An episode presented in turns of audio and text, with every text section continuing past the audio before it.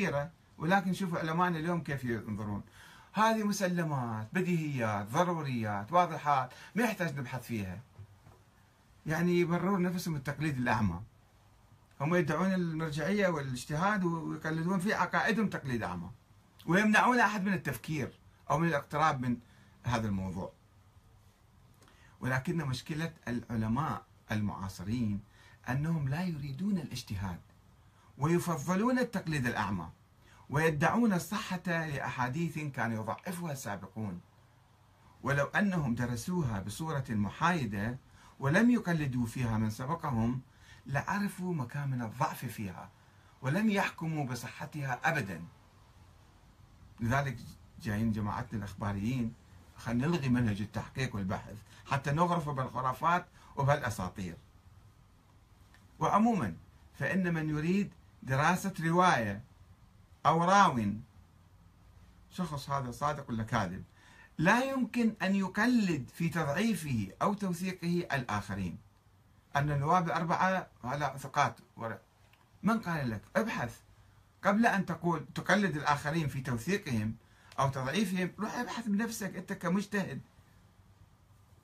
خاصة إذا كانت هناك شكوك جدية حوله. وإنما يجب عليه كما هو معروف في علم الرجال أن ينظر إليه بصورة محايدة ومستقلة. وبالنسبة للرجال تلك المرحلة مرحلة الغيبة الصغرى التي ادعى فيها بعض أصحاب الإمام العسكري وجود الولد له في السر ونيابتهم عنه. ثم قلدهم من جاءهم من جاء بعدهم وبنى على توثيقهم. لا يمكن التسليم بصدقهم. ولا صحة ما يرونه. زيارات وأدعية ورسائل ومأثورة. كلها كذب. كلها من اختلاقات يضحكون على الناس ويأخذون من عندهم فلوس.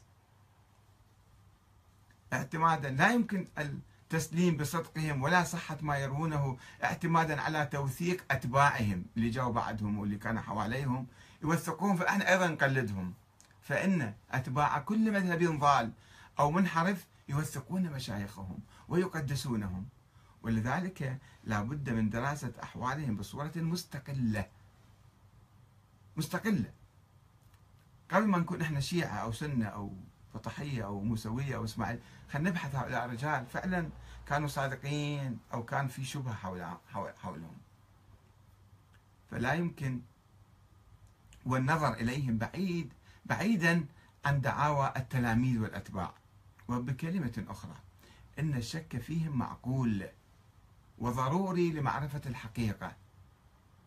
لا كما يقول السيد محمد باكر الصدر رحمة الله عليه أيضا أن هؤلاء هم الذين قالوا موجود النواب الأربعة ومعقول ذلك يكذبون. من قال لك ما يكذبون يا أخي العزيز؟ يكذبون نص. وأنهم المتهمون آه، باختلاق تلك الأسطورة وترويج الإشاعات وبالتالي فلا يمكن الاعتماد على رواياتهم حول رؤية ابن الحسن. هم كانوا يقولون والله شفناه والتقينا به وقعدنا وياه واجى وزارنا وزرنا كله كذب في كذب في كذب. ونقل الأحاديث والزيارات والتواقيع عنه حتى رسالة واحدة ما مراوين خط الإمام اللي يدعون أنه من نوابه كلها كانوا يضموها بجيوبهم وإحنا هاي رسالة وردتنا وهو كاتبها بخط إيده هو. يقول أنه قال لي اكتبها بخط إيدك. طيب إذا بخط إيدك شلون تكتب واحد ثاني كتب لك رسالة؟ أنا أكتب لك ألف رسالة هالشكل إذا تريد أن المشكلة الكبرى في مسألة وجود الإمام الثاني عشر تكمن في أننا لم نرى أحدا وإنما سمعنا همسا مريبا وحكايات سرية تخالف الظاهر وقوانين الشريعة الإسلامية. وقد مرت قرون وقرون ولم يظهر ذلك الولد المزعوم.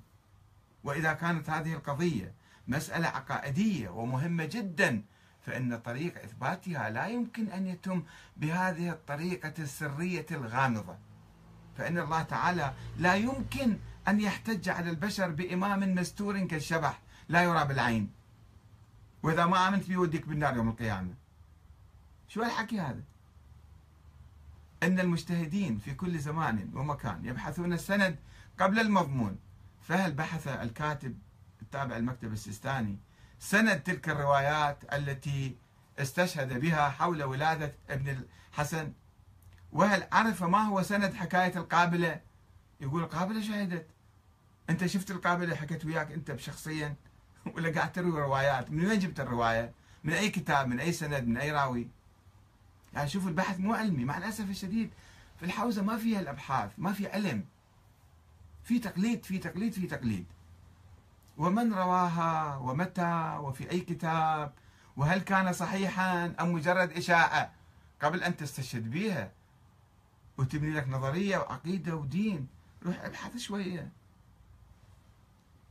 وهل من العلم والاجتهاد والتقوى إلقاء الكلام على عواهنه وتضليل العوام والسذج والبسطاء؟ بالقول إن المؤرخين